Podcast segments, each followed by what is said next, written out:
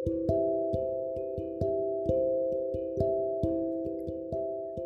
semuanya. Langsung saja kali ini saya ingin membacakan sebuah cerita cinta dengan judul Gendong Aku Sampai Ajalku Tiba. Jadi pada suatu ketika, sepasang suami istri sedang bersama-sama makan malam. Suami tersebut tiba-tiba ingin mengajak berbicara serius mengenai keinginannya untuk cerai. Ia tidak mengerti harus dari mana memulai pembicaraan. Ketika suaminya sudah mengatakan ingin bercerai, sang istri menanyakan apa sebenarnya alasannya. Sang suami tidak mau menjawab sampai pada malam itu mereka tidak bertegur sapa.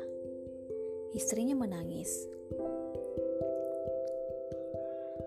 Kala itu, suaminya akan memberikan berbagai macam aset harta mulai dari aset mobil, aset rumah, saham-saham, perusahaan dan juga aset lainnya. Namun, istrinya malah menjadi marah.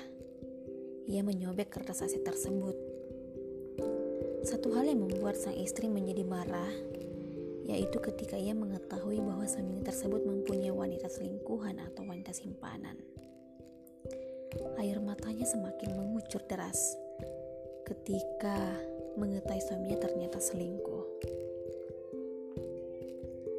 Sang istri pada pagi harinya sebelum mereka resmi bercerai memberikan surat permintaan. Di dalam surat tersebut, tertuliskan bahwa ia ingin tetap berperilaku seperti suami istri dalam waktu sebulan. Alasannya yaitu anaknya saat ini sedang melangsungkan ujian dan ia tidak ingin anaknya merasa terganggu karena masalah tersebut. Ia juga meminta sang suami setiap pagi menggendongnya dari kamar menuju ke depan rumah. Anak mereka sangat bahagia dan senang melihat kemesraan kedua orang tuanya. Kemesraan di antara keduanya semakin hari semakin terlihat lebih jelas, meskipun pada awalnya mereka merasa agak canggung. Suatu ketika, ia bertekad untuk menemui wanita simpanannya yang bernama Jane. Ia mengatakan bahwa ia tidak akan cerai dengan istrinya. Jane sangat marah kala itu, bahkan menamparnya lalu membanting pintu.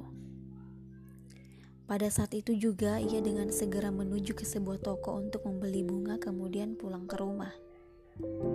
Ketika ia sampai di rumah, ia mendapat istrinya sudah meninggal. Ia baru menyadari bahwa selama ini ia terlalu sibuk dengan pekerjaannya dan tidak pernah memperhatikan istrinya yang sedang berjuang melawan kanker. Ia sekarang sudah mengetahui bagaimana selama ini istrinya berusaha untuk menjaga nama baiknya di depan anak-anaknya. Ia kini sadar, sangat beruntungnya mempunyai istri seperti istrinya. Meskipun hanya dengan waktu sebulan ia sudah merasa senang bisa memberikan kebahagiaan di akhir hidup sang istri.